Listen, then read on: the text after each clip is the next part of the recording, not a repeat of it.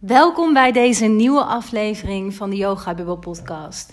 Mijn naam is Wendy, ik ben van Yoga Bubble en superleuk weer dat je luistert naar deze nieuwe aflevering. Misschien is het ook trouwens wel je eerste keer dat je mijn podcast beluistert, dat kan natuurlijk ook.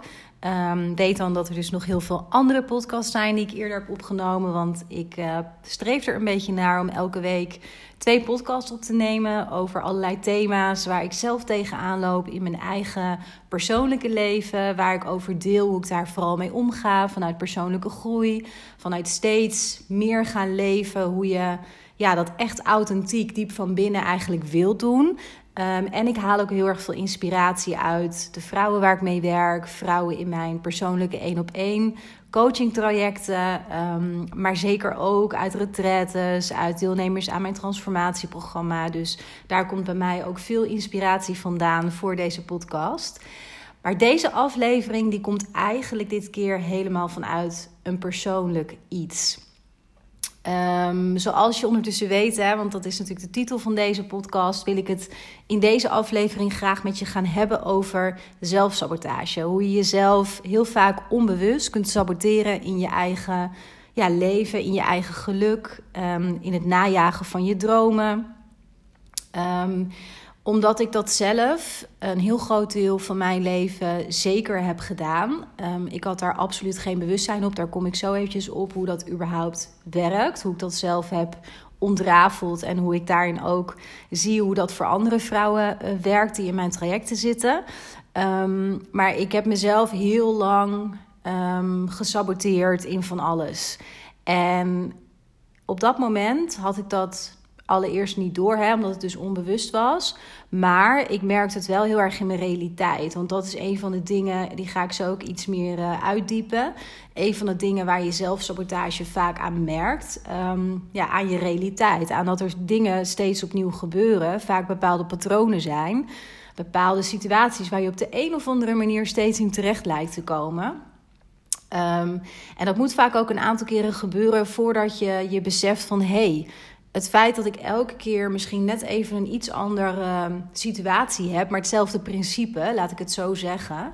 Um, dat zegt misschien niet altijd iets over de situatie, maar het zegt iets over mij. Want de enige constante die er in dit verhaal steeds is, dat ben ik zelf.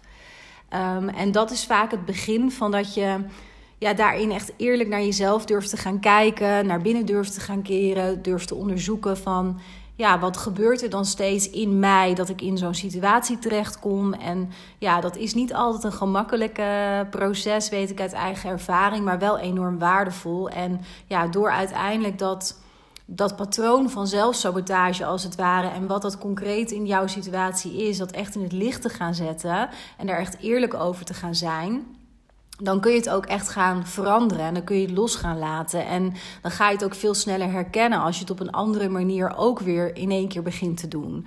Um, en dat is voor mijzelf is dat echt van ongelofelijke waarde geweest. Om daar dus voor mezelf dat inzicht in te krijgen. En um, afgelopen weekend, want het is nu maandag terwijl ik dit opneem, maar afgelopen weekend uh, waren er voor mij een aantal dingen. Um, er was een situatie waarin ik terecht kwam. Uh, ik wist van tevoren dat dat zou gaan gebeuren. Um, ik wist ook dat het een situatie zou kunnen zijn, potentieel, waarin ik erg getriggerd zou kunnen gaan worden, omdat het erg met mijn verleden te maken heeft. En het was iets waar ik. Um, nou ja, ik wou zeggen geen keus in had. Dat is niet waar, want je hebt altijd een keus. Want ik had in dit specifieke geval ervoor kunnen kiezen om uh, me gewoon helemaal van deze situatie afzijdig te houden. Maar in dit geval, zonder dat ik al te veel in details uh, daarover wil treden, uh, was dat eigenlijk niet echt een optie. En dus koos ik er heel bewust voor om het dan aan te gaan en te gaan ervaren wat het met me zou doen. En ik was heel erg blij om te merken dat ik met een gezonde afstand naar de situatie kon kijken. Dat ik ook een soort van, ja bijna als met een soort helikopterview op de situatie keek, mezelf daarin zag acteren op een totaal andere manier dan dat ik een aantal jaren geleden had gedaan of had gekund ook überhaupt. Um, en dat ik hier in deze situatie echt als mezelf zat, 100%. En dat ik mezelf niet aan het saboteren was omdat ik um, ja, er graag bij wilde horen. Of omdat ik graag gezien wilde worden. Of omdat ik graag wilde dat bepaalde mensen een bepaalde trots uit zouden spreken over mij of over wat ik aan het doen ben. Ehm, en vroeger had ik absoluut hele erge patronen, zeker in deze setting, ehm, gehad. Ehm, en die had ik heel onbewust overigens. Maar ik had heel erg patronen van pleasen, van altijd maar de juiste dingen doen of zeggen, zodat mensen mij zouden accepteren, mij leuk zouden vinden, dat ik erbij zou horen. En ik voelde instinctief aan dat als ik uh, zou delen over dingen die mij echt aan het hart gaan, of die ik belangrijk vind, of um, nou, gewoon eigenlijk hoe ik in het leven sta, dat daar helemaal geen ruimte voor is in deze setting met deze specifieke mensen. En dat is nog steeds zo, tot op de dag van vandaag, en dat gaat ook nooit veranderen. Um, maar ik ben wel veranderd. Ik ben eigenlijk mezelf geworden veel meer. En um, ik voel een enorme kracht en rust vanuit mezelf. Om gewoon in zo'n situatie nu echt ook bij mezelf te kunnen blijven. In plaats van dat ik dus mezelf onder water in allerlei bochten ga wringen. Uh, en mezelf dus saboteer eigenlijk in, in het authentiek leven. In het leven van mijn droomleven. Uh, in mijn eigen geluk en in mijn eigen rust. Om maar gewoon erbij te horen, om het even zo zwart-wit te zeggen. Nou ja, goed, eventjes weer uitzoomend, hè, want dit was voor mij dan een beetje de aanleiding om dus nu vanochtend deze podcast op te nemen. Ik dacht, dat vind ik eigenlijk wel een mooi thema om eens even te behandelen, want um, jezelf saboteren, dat is iets wat je heel lang kunt doen zonder dat je door hebt. Um, ik merk ook bijvoorbeeld hè, in de coachingstrajecten die ik doe, dat er ook vaak eventjes een, een drempel overgestapt moet worden om te accepteren dat het zo is dat jij jezelf kunt saboteren. Omdat er in beginsel voel je vaak wel van, oh ja, bij dat woord van dat zou wel eens aan de hand kunnen zijn bij mij. Maar je hebt er ook vaak een gezonde weerstand op. En dat is heel normaal, daarom zeg ik ook gezond. Um, omdat aan het woord zelfsabotage, aan jezelf saboteren, daar kleeft eigenlijk al een beetje aan. Hè? Dat, je, dat je dan naar jezelf moet gaan kijken en naar je eigen patronen en naar ja, de diepte in moet in jezelf. Um, en dat is natuurlijk iets waar heel veel mensen in basis gewoon niet zoveel trek in hebben, niet zoveel zin in hebben, omdat ze gewoon hun leven leven vanuit hun hoofd en altijd maar doorgaan en doorlopen en de dingen ook altijd op een bepaalde manier hebben gedaan. Um, en dan kan het heel erg spannend of ronduit eng aanvoelen om bij jezelf naar binnen te gaan en te onderzoeken van hé, hey, op welke manieren uh, saboteer ik eigenlijk mezelf? En welke patronen heb ik daar ook op ontwikkeld, zodat ik dat maar lekker in stand kan houden? Terwijl het is vaak de angst daarvoor die veel groter is, dus de angst voor de angst eigenlijk, dan dat het daadwerkelijk heel eng is om dat aan te kijken. Want heel eerlijk, en dat is wat ik veel vaker zeg, ook in andere afleveringen, alles wat jij voelt, alle ervaringen die je hebt meegemaakt, alle trauma's zelfs, alle emoties die je nooit misschien hebt geuit of niet in het licht hebt gezet. Alles wat je hebt ingeslikt, het zit in jou. Want jij bent een mens van vlees en bloed en met alle ervaringen, alle herinneringen, alle thema's, alle trauma's nogmaals die je hebt meegemaakt. En hoe oud je nu ook bent, waar je ook staat in je leven, alles zit in jou opgeslagen. Het feit dat jij er nu niet helemaal bij kunt in je bewustzijn, dat wil niet zeggen dat het er niet is. Want ik geloof er heel erg in en um, Volgens mij heb ik dat ook in de laatste podcast gezegd. Karel Jong heeft daar ook zo'n mooie uitspraak over. Dat, dat als jij niet um, de dingen uit je onderbewuste in het licht gaat zetten, dat het je dan ja, onbewust dus gaat sturen. En dat het dan dus in je schaduw blijft als het ware. En dan ga je dus jezelf saboteren heel vaak in je realiteit. Terwijl als je er gewoon met je aandacht naartoe gaat naar dat wat in jou zit, naar, naar je emoties, naar alles wat er is gebeurd. Of ja, gewoon hoe jij in elkaar zit en daar eerlijk over gaat zijn. Dan is het antwoord op het moment zelf niet altijd even prettig. Want het kan best wel heftig zijn of confronterend. Er is natuurlijk een reden waarom je zo lang de dingen hebt gedaan zoals je ze hebt gedaan. Maar ik kan je echt vanuit de grond van mijn hart zeggen dat het ook meteen ontzettend bevrijdend is om gewoon eerlijk te zijn. Om gewoon te zeggen van nou, dit is eigenlijk wat ik voel. Hier heb ik nog heel veel boosheid zitten of verdriet of woede of angst of frustratie. Dit is eigenlijk waarin ik mezelf verkoop, waarin ik niet mijn waarheid spreek, omdat ik gewoon te bang ben dat ik word afgewezen of dat er een conflict ontstaat. Of nou ja, wat het maar specifiek is. Hè het is zo'n bevrijding. Naast dat het eventjes gewoon kan schuren en even confronterend kan zijn, is het zo'n bevrijding om daar gewoon eerlijk over te gaan zijn naar jezelf. En jezelf gewoon toe te gaan staan, om dat los te gaan laten. Om dat voor jezelf gedoseerd te uiten. Om gewoon in je eigen volwassen kracht te gaan staan. In je volwassen energie. En gewoon keuzes te gaan maken omdat ze voor jou goed voelen. Goed, heel even terug naar het onderwerp, hè, zelfsabotage. Um, ik wil heel graag eerst eventjes kort iets toelichten over hoe ik daar naar kijk. Hè, van wat is het eigenlijk, uh, het jezelf saboteren, vanuit mijn perspectief. En dan wil ik wel even een persoonlijk voorbeeld uit mijn leven aandragen, zodat het waarschijnlijk wat duidelijker, wat concreter wordt op welke manier um, zelfsabotage best wel grote vormen kan aannemen. En hoe het je dan kan beperken eigenlijk in je eigen groei, in je eigen grootheid, tussen aanhalingstekens. En ik wil tot slot graag iets vertellen over hoe je er ook nou ja, vanaf kunt komen, hoe je er inzicht in kan krijgen voor jezelf. Voor mocht jij bijvoorbeeld wel voelen, hey, ik denk dat ik mezelf ook saboteer. Um, op welke manier kan ik daar dan mee aan de slag gaan? Goed, allereerst hoe ik daar dus tegenaan kijk, wat het is. Um, het jezelf saboteren, dat is eigenlijk voor mij heel simpel gezegd dat je jezelf op een onbewuste manier uh, tegenhoudt en afremt in het leven wat je eigenlijk wilt. En je merkt dat heel praktisch uh, aan dat jij in je realiteit, dus gewoon in je dagelijkse leven, steeds weer terecht lijkt te komen in exact dezelfde situaties. Eigenlijk moet ik dat iets anders verwoorden. Het zijn steeds andere situaties, maar het zijn exact dezelfde dingen, de principes, die dan voorbij komen.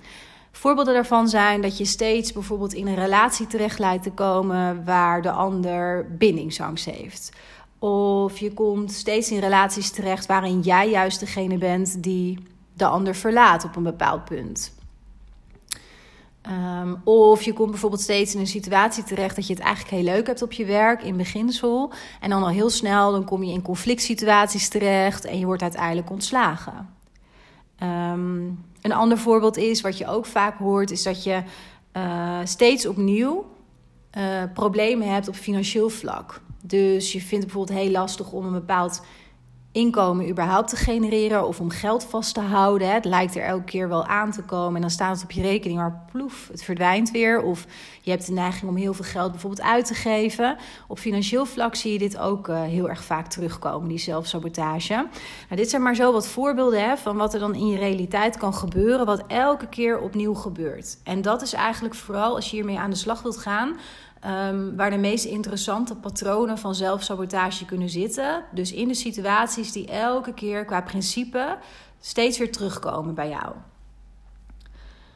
Je merkt het ook vaak bij jezelf uh, op een andere manier. Dat is meer emotioneel. Um, en dat is dat je, ja, ik kan het niet beter omschrijven dan dat je een gevoel hebt dat dingen niet lopen, dat het niet stroomt, dat het allemaal ja, een soort van tegen de rivier inzwemmen is, als het ware. Hè? Dus dat of dat nou qua relaties is, of qua werk, of qua andere dingen, financiën wederom, of um, binnen je familie uh, sferen. Het maakt niet zo heel veel uit op welk vlak dat is, maar uh, als je te maken hebt met dat jij jezelf saboteert, dan merk je dat ook heel vaak. Naast dus de dingen die in je realiteit steeds opnieuw terug lijken te komen, merk je het ook vaak in jezelf. Dat jij gewoon voelt van. Het loopt gewoon niet lekker. Het stroomt niet. Ik voel me gefrustreerd. Ik lijk dingen niet van de grond te kunnen krijgen. Uh, een gevoel ook vaak van dat je snoeihard moet werken uh, om überhaupt ja, iets fijns te realiseren. Dus wederom, of dat nou gaat om een bepaalde carrière of een bepaald pad qua carrière wat je wilt bewandelen, of dat het gaat om het hebben van een liefdevolle relatie. Het voelt gewoon heel vaak stroperig en tegen die rivier inzwemmend, nogmaals. Ik denk dat dat ja, wel het gevoel het beste omschrijft. Vaak heb je in dat geval dus ook te maken met uh, zelfsabotage. Heel vaak heb je dan onder water, onbewust, bepaalde dingen waar je aan vast wil houden. Um, en daarmee saboteer je dan eigenlijk je geluk en het feit dat het allemaal moeiteloos mag voelen. En dat je bedoeld bent om gewoon gelukkig te zijn. En dat je keuzes mag maken waar je blij van wordt. En dat je verantwoordelijkheid mag nemen over je eigen leven op elke manier. Echt op elke manier. En Hiermee bedoel ik niet hè, even een sidestep, want dit is wel vaak ook waarvan mensen zeggen: ja, maar hoe zit dat dan, Wendy? Want uh, soms dan maak je ook gewoon hele heftige dingen mee. Hè? Mensen overlijden, mensen worden ziek, je wordt zelf ziek. Um, nou, een ontslag of zo. Dus eh, dat gebeurt toch gewoon. Dus hoezo kun je dan, heb je dan daar zeg maar de verantwoordelijkheid ook voor of zo? Nee, natuurlijk is dat niet zo. Er zijn gewoon dingen ehm, die kunnen gebeuren in een mensenleven die heel veel impact hebben op jou, maar die wel vanuit het externe komen. Dat is niet zozeer. Ja, kijk, mijn moeder is bijvoorbeeld jong overleden. Het is natuurlijk niet zo dat ik verantwoordelijk daarvoor ben. Dat is dus ook helemaal niet hoe ik dat bedoel of hoe ik dat voel. Waar ik wel verantwoordelijk voor ben, is hoe ik daarmee omga. Ehm, of ik mijn emoties er op een gezonde manier uit heb laten, laten komen en nog steeds laat komen als dat nodig is. Ehm, op welke manier het mij ook gevormd heeft en hoe ik in het leven sta of de lessen die ik eruit heb getrokken, daar ben ik wel verantwoordelijk voor. Maar we maken allemaal uh, shit mee. Uh, elk huisje heeft zijn kruisje. En bij de een is dat wat groter dan wat bij de ander. Maar het gaat er vooral om dat je leert om echt vanuit je eigen kracht uh, en vanuit je eigen energie verantwoordelijkheid te nemen voor jezelf. Voor jouw keuzes, voor jouw binnenwereld, voor jouw gedachtenpatroon. Gewoon voor hoe je in het leven staat. En dat er uiteindelijk vanuit de buitenkant altijd dingen zullen gebeuren waar je tot te verhouden hebt. Of die je raken of die je uit het lood slaan. Ja, dat is het leven in mijn beleving. En dat is ook niet, ja, dat hebben we allemaal nogmaals. Dat is ook niet iets waar je iets aan kunt veranderen. Maar je hebt wel heel, heel veel invloed op hoe je met dingen omgaat. Goed, heel eventjes weer terug dus naar de zelfsabotage. Ik ga af en toe een beetje, dwaal ik een beetje naar links en rechts, merk ik. Maar dat is niet erg. Um, ik zal het even heel erg praktisch gaan maken met een eigen voorbeeld uit mijn leven. Um, ik denk dat ja, jij en een aantal van de mensen die hier naar luisteren zich misschien hier wel heel erg mee kunnen identificeren. Omdat dit wel een thema is wat denk ik voor heel veel mensen speelt. Um, en mocht je er niet helemaal mee kunnen identificeren, hoop ik vooral dat het wel ja, het ook wat praktisch maakt en jou ook inspireert om voor jezelf te kijken van hé, hey, hoe zit dit voor mij in elkaar? Wat komt er steeds in mijn leven terug? Dus op welke manier saboteer ik mezelf daarin? Um, het voorbeeld. Ja, ik ben heel even aan het denken hoe ik, hoe ik hierin ga beginnen. Um, ik heb eigenlijk altijd een leven gehad. En, en als je eerdere podcast van mij hebt geluisterd, dan, dan ken je dit verhaal. Dus ik ga ook niet in detail nu dat weer helemaal uit de doeken doen. Maar even op hoofdlijn, omdat het heel belangrijk is. Uh, omdat dat ook al alles te maken had met onderliggende thema's. En mijn eigen zelfsabotage daarin. Maar ik heb eigenlijk de eerste, nou pak een beetje 25 jaar van mijn leven. Um, heb ik heel hard gewerkt. In werkelijk elke vorm die je maar kunt bedenken. Dus ik heb heel hard gewerkt om uh, op de universiteit uh, met hele hoge cijfers af te studeren. Ik heb heel hard gewerkt om de liefde te verdienen in mijn familie. Ik heb heel hard gewerkt om relaties aan te gaan waarin ik steun of liefde of warmte zocht bij een andere persoon. En daar heel hard voor ging werken. Um, ik heb heel hard gewerkt voor een carrière waar ik ook als een malle in ging. Maar wat echt werkelijk alles van mij vroeg. En totaal buiten mezelf ook lag achteraf gezien. Ik heb op allerlei manieren heb ik in mijn leven echt super hard gewerkt. De eerste 25 jaar nogmaals. En dat harde werken, dat is deels is dat gewoon puur omdat het bij mij met de paplepel is ingegoten van dat je gewoon hard moet werken om iets te bereiken. Um, en dat hard werken voor genieten komt daar is in de basis natuurlijk ook helemaal niets mis, niets mis mee, uh, mits je natuurlijk hard werkt voor iets wat bij jou klopt. En daar kom je op een wat diepere laag. In mijn geval, ik was vooral heel hard aan het werk vanuit een groot tekort in mezelf. Vanuit dat ik had geleerd dat um, nou ja, dat liefde eigenlijk voorwaardelijk is. Hè? Dat ik moet werken dus voor liefde. Ik moet iets anders zijn en dan wordt er van me gehouden. Of ik moet een specifiek iets doen of bereiken of behalen. Dan wordt er van me gehouden en niet gewoon in wie ik ben. Nou speelt hier ook bij mee in mijn situatie dat ik... Um, ja, ik ben enig kind. Ik heb dus mijn moeder jong verloren. En ik uh, lijk eigenlijk niet heel erg op mijn familie. En dat eigenlijk kan ik ook weglaten, want ja, ik verbaas mezelf er nog steeds over dat ik de familie heb die ik heb. Want ik ben gewoon echt heel erg anders. Dus als kind was dat ook al zo. En als kind wil je er natuurlijk bij horen. Als kind wil je graag dat er van je gehouden wordt. Ik werd al snel weggezet als te gevoelig, een beetje gekkig. Um, dus ik ben ook heel snel dat wenselijke gedrag gaan vertonen. En van daaruit dus ook heel hard gaan werken. Omdat dat helemaal niet natuurlijk gedrag eigenlijk voor mij was. Um, dus bij mij kwam dat eigenlijk vanuit een diepere laag van, van ja, een soort leegte als het ware uh, in mezelf. En mezelf ook vooral heel erg weinig gunnen. Nou, dit is het eerste wat ik even moet zeggen om het dadelijk duidelijk te maken. Hoe dat bij mij qua zelfsabotage in elkaar zat.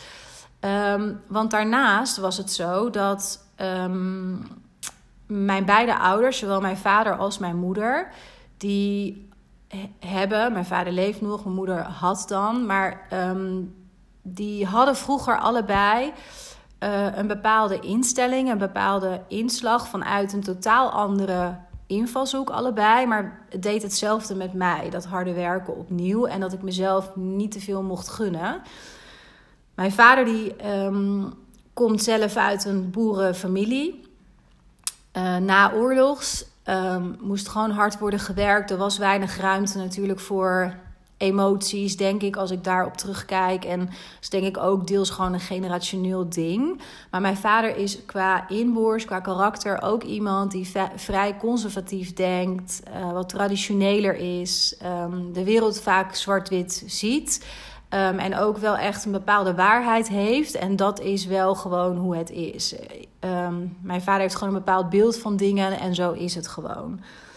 Um, ik heb mijn vader ook altijd super hard zien werken voor van alles. Daar heeft hij ook ongelooflijk zijn best in gedaan om mij ook een hele goede toekomst te kunnen geven. In, in wat voor hem dat dan was. Hè? Dus ik heb hem ook altijd heel hard zien werken en daarin ook dat, dat voorbeeld een beetje gevolgd. Maar ik merkte dus ook dat als ik dus gedrag vertoonde van dat harde werken, dat mijn vader dat heel erg waardeerde. Dat mijn vader daar goed op gaat. Dat mijn vader het, het mooi vindt als ik, ja, bijvoorbeeld de carrière die ik had, dat vond hij helemaal fantastisch. En dat ik er niet heel gelukkig van werd en dat ik daar ook niet veel over deelde met hem. Dat ja, is voor hem echt secundair. Uh, omdat hij zijn eigen patronen natuurlijk heeft en daarin gewoon wat zwart-wit is in zijn karakter ook. Maar het heeft bij mij gecreëerd dat ik dus uit een soort verkapt loyaliteitsgevoel naar mijn vader, en daar kom je op het zelfsabotagestuk, ook heel hard ben gaan werken. En ook een hele mindset ben gaan aannemen van nee, maar je moet eerst hard werken en pas daarna mag je misschien bij Gods gratie gaan genieten. En jezelf al wat rust gunnen of plezier voordat je überhaupt hard hebt gewerkt. Ja, dat is echt een dikke no-go. Dat, dat kan gewoon niet. Terwijl ik van mezelf een totaal andere mening ben aangedaan en heel anders naar het leven kijk ook daarin. Maar uit een soort loyaliteit naar mijn vader ben ik dus dat soort gedrag gaan vertonen. Aan de andere kant had ik natuurlijk mijn moeder, met wie ik een hele nauwe band had. Um, het is moeilijk voor mij nu om, dat, om daarnaar terug te kijken, omdat ik natuurlijk, dat is heel lang geleden dat ze is overleden. Maar uit de verhalen van andere mensen weet ik dat ik ja, het meeste op haar lijk in karakter. En ik had dus ook vroeger echt een nauwe band met haar. En omdat ik heel gevoelig was, um, stond ik ook heel erg afgestemd op mijn moeder. Dat weet ik nog heel goed. Op haar behoeftes, op hoe zij zich voelde. Mijn moeder had vroeger schommelingen in haar. Um, ja, nou, humeur, dat, dat, dat dekt het niet. Um, nu achteraf weet ik dat, dat dat depressieve momenten waren en buien en periodes.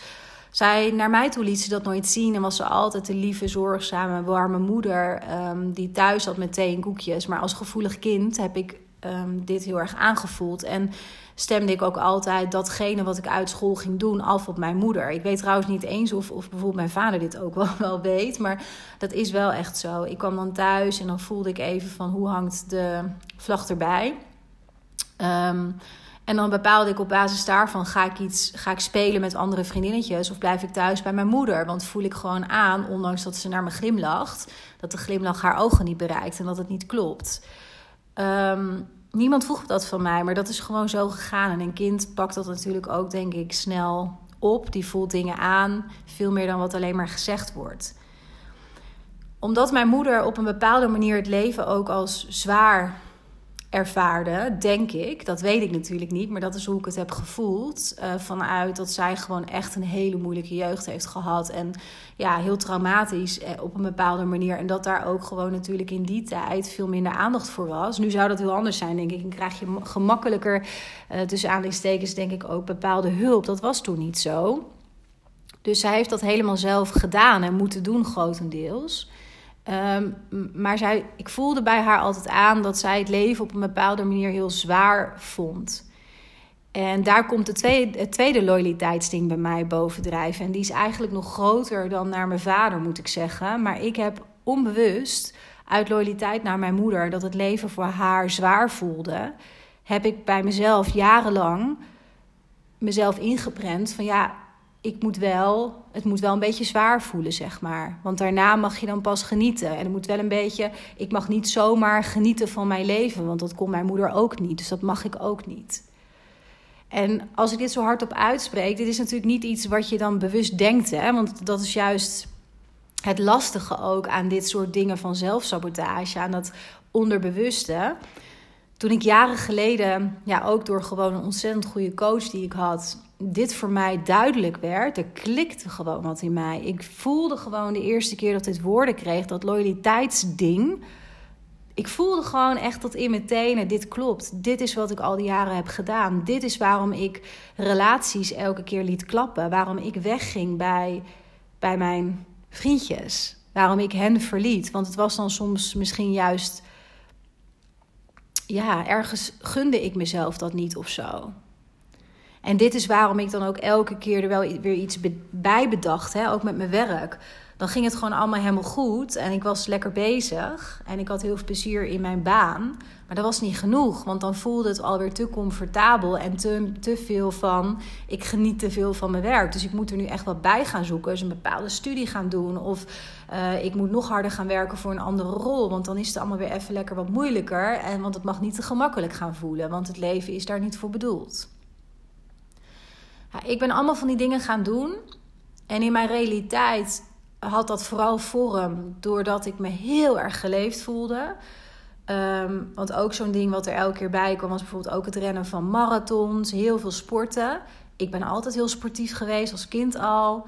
Dat ben ik nog steeds. Ik, ik hou van sporten. Alleen ik heb echt ook een aantal jaren, vooral in mijn twintiger jaren, begin dertig jaren, heb ik echt ongelooflijk veel gesport. Veel meer dan dat ik echt wilde ik sleepte mezelf ook heel vaak naar mijn eigen trainingen toe. Moest ik weer een persoonlijk record van mezelf vestigen, weer harder leren rennen of wat dan ook.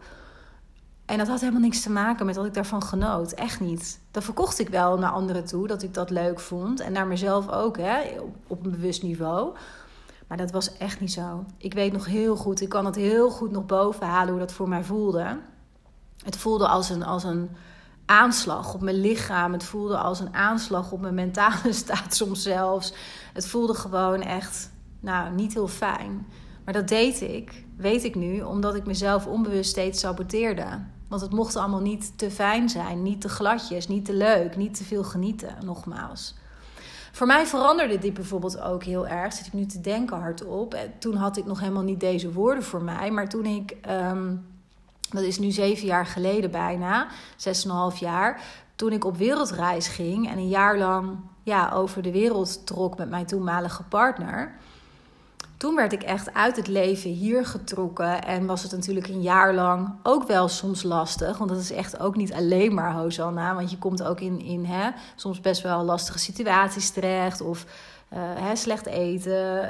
Uh, um, nou, dingen die gewoon niet lopen zoals je dat bedacht hebt. Er gebeurt van alles in zo'n jaar. Maar goed, over de lijn was het natuurlijk een fantastisch jaar waarin ik echt alleen maar heb genoten van de wereld. Van alle tijd hebben, gewoon van rust, van dingen doen die je leuk vindt, van jezelf op een andere manier leren kennen. Dat is voor mij, als ik daar nu op terugkijk, wel de allereerste keer geweest dat ik echt iets ben gaan doen. Puur omdat ik het gewoon heel graag wilde. Omdat het gewoon klopte heb ik mezelf toegestaan een jaar lang echt te genieten. En dat ook een uitgangspunt te laten zijn en echt te leven in hoofdletters in plaats van te overleven. Um, ja, mezelf dat eigenlijk ook echt te gunnen. Dwars tegen mijn ja, zelfsaboterende gedachten en overtuigingen in dus, op die manier. Nou, ik hoop dat mijn voorbeeldje ja, iets meer concreet handvatten geeft in, in hoe dit dus kan werken. Hè. Dus in mijn geval, het verkapte loyaliteitsgevoel naar mijn ouders heeft heel erg een mentaliteit bij mij gecreëerd van hard werken. Ehm, altijd sleuren, trekken, forceren aan situaties en dingen, zodat het maar niet ehm, ja, te gemakkelijk zou zijn. En op het moment dat dat dreigde te gaan gebeuren, dat dingen gewoon begonnen te stromen en dat het wat moeitelozer begon te voelen, dan bedacht ik er gewoon iets nieuws bij dus, zodat het maar weer hard werken ging worden. Nou, hoe kom je daar nu eigenlijk vanaf? En uh, dat is misschien niet helemaal de goede beschrijving ook, maar hoe krijg je hier inzicht in? Nou, als jij voor jezelf hiermee aan de slag wil, dan raad ik je sowieso allereerst eens aan om te kijken, uh, gewoon heel erg praktisch in je realiteit. Wat, wat zie je, wat er steeds opnieuw in jouw leven gebeurt? Dus als je zeg maar gewoon in het hier en nu kijkt en de afgelopen, nou ja, 10, 20 jaar, als je terugkijkt, wat zijn dan dingen op het vlak van relaties, op het vlak van je werk, financiën, gezin, wat dan ook, maar wat zijn patronen die zich steeds opnieuw lijken te herhalen. Dus wat ik in het begin ook zei, hè, je ziet bijvoorbeeld sommige mensen die altijd in conflict situaties terechtkomen. Um, in mijn geval was bijvoorbeeld een bepaald patroon dat ik, dat ik elke keer ook, um, hoe zeg ik dat?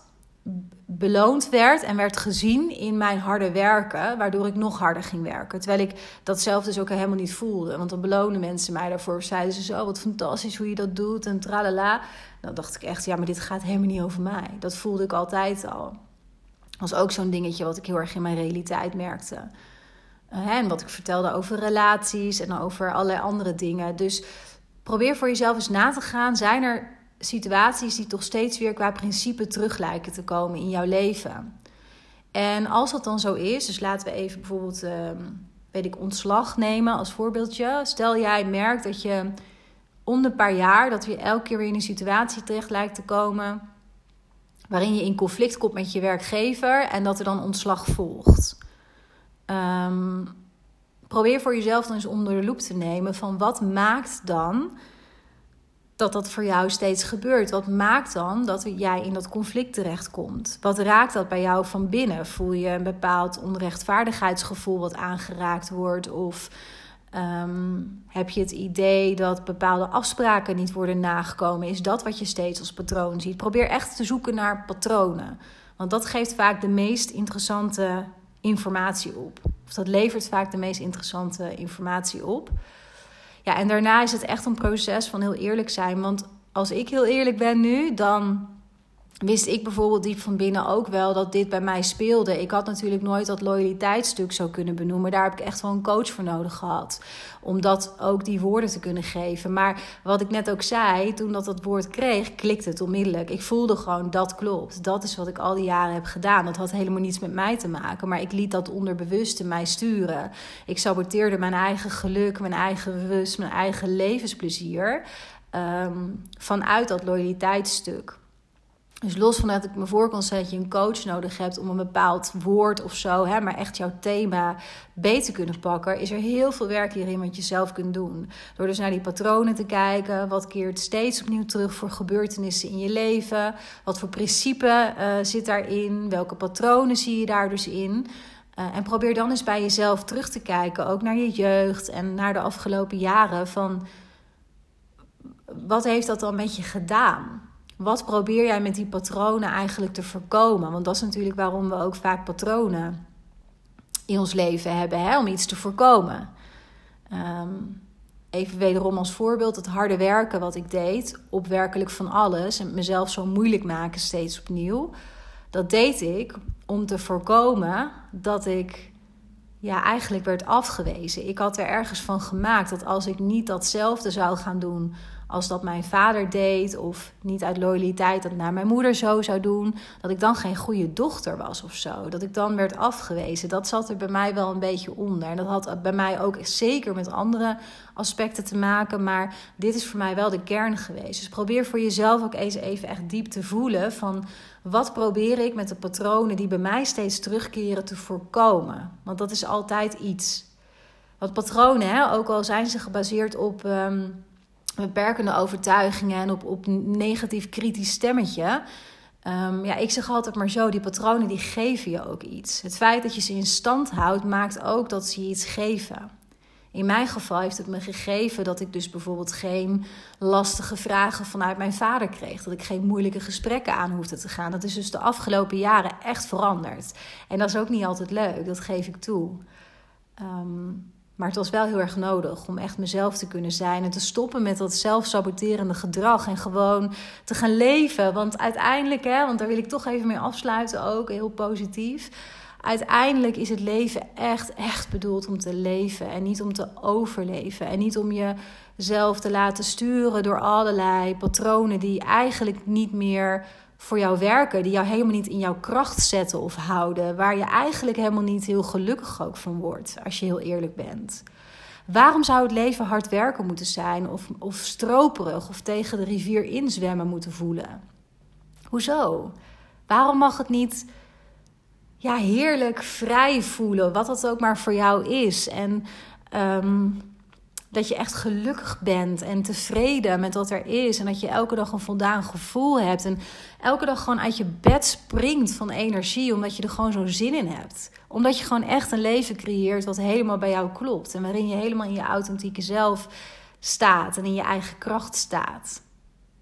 Dat is uiteindelijk echt in mijn beleving wat wat je jezelf mag gunnen en wat we ons allemaal mogen gunnen. Want dat is uiteindelijk ook waarom je hier bent. Daar geloof ik heel erg in. Hoezo zou, je, zou iedereen hetzelfde moeten zijn? Dat zou ook heel saai zijn overigens, maar dat is een ander verhaal.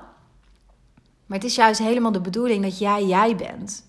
En dat je die laagjes van conditioneringen, van aangeleerd gedrag, van patronen die vroeger misschien nodig waren om te overleven als kind, maar die je nu als volwassen vrouw niet langer nodig hebt. Omdat echt los te laten. En dat begint allereerst bij inzicht, bij het eerlijk durven zijn over waar jij jezelf saboteert in je leven, waar jouw realiteit niet correspondeert met dat wat jou gelukkig maakt, wat je daarvoor bepaalde structuren en patronen in kunt ontdekken. Daar begint het mee, met die eerlijkheid. Nou, ik hoop dat deze aflevering je nou ja, heeft geïnspireerd. Dat is misschien niet helemaal het juiste woord in deze context, maar heeft geïnspireerd, heeft um, gekieteld, heeft uitgenodigd om eens bij jezelf naar binnen te gaan en te onderzoeken: hé, hey, waar kan ik eigenlijk voor mezelf een patroon ontdekken in die zelfsabotage? En als jij voelt, ik voel dit helemaal, Wendy, ik voel deze aflevering helemaal en ik wil er echt graag mee aan de slag. Ik heb alleen geen idee hoe ik uh, hiermee verder moet. Of ik heb behoefte aan iemand die mij even helpt met het helder krijgen van de patronen, met het thema wat voor mij speelt. Ja, dan mag je me natuurlijk altijd even een berichtje sturen. Want dit vind ik echt een van de mooiste, mooiste dingen om te doen. Om vrouwen bij te helpen. Omdat ik dus zelf daar ook zo ongelooflijk veel baat bij heb gehad. Bij dat inzicht krijgen in mijn onderbewuste. Bij die patronen, bij die structuren en overtuigingen. En uiteindelijk bij die zelfsabotage, om van daaruit echt te gaan leren: oké, wat mag ik loslaten en hoe doe ik dat? En hoe kan ik van daaruit echt gaan leven vanuit mijn eigen waarden en hoe ik dat wens en waar het mij gelukkig maakt. Ik doe niets liever dan dat, omdat dat ja, zo fantastisch is om. Uh, om met andere vrouwen dat proces aan te mogen gaan. Omdat ik dus weet hoe waardevol dat is. En ja, ik ook de groei die ik bij vrouwen zie, die ik begeleid op deze thema's. Ja, dat, dat vind ik gewoon geweldig. Ik zit ook nu met een grote glimlach, uh, ja, dit zo op te nemen. Dat voel ik echt zo. Dat is zo'n enorme missie die ik daarin voel. Om andere vrouwen echt te helpen om die conditioneringen steeds meer inzicht daarin te krijgen, dat steeds beter los te gaan laten, laagje voor laagje, die patronen helder te krijgen. Uh, en uiteindelijk jezelf gewoon het allermooiste leven te gunnen, wat dat ook maar voor jou betekent. Dus als jij dat voelt, hè, als je denkt, ja, ik wil ermee aan de slag, ik wil heel graag eens met jou uh, daarover hebben, dan kan dat dus. Dan kun je me mailen, dan plannen we even een kennismaking in, vrijblijvend. Um, ben ik even heel nieuwsgierig naar je verhaal, naar waar je staat, naar waar je behoeftes liggen. En dan kunnen we op basis daarvan kijken of uh, mijn één op één traject uh, iets voor jou is. Uh, en of de match er ook is tussen ons. En dan ja, gaan we dat gewoon zien. Heel erg bedankt voor het luisteren. Als dit de eerste keer was, superleuk. Dankjewel. Misschien heb je al meer van mij geluisterd. Dankjewel ook daarvoor. Dat is voor mij ja, ongelooflijk waardevol. Um, ik wens je een hele fijne dag voor nu en uh, heel veel liefs.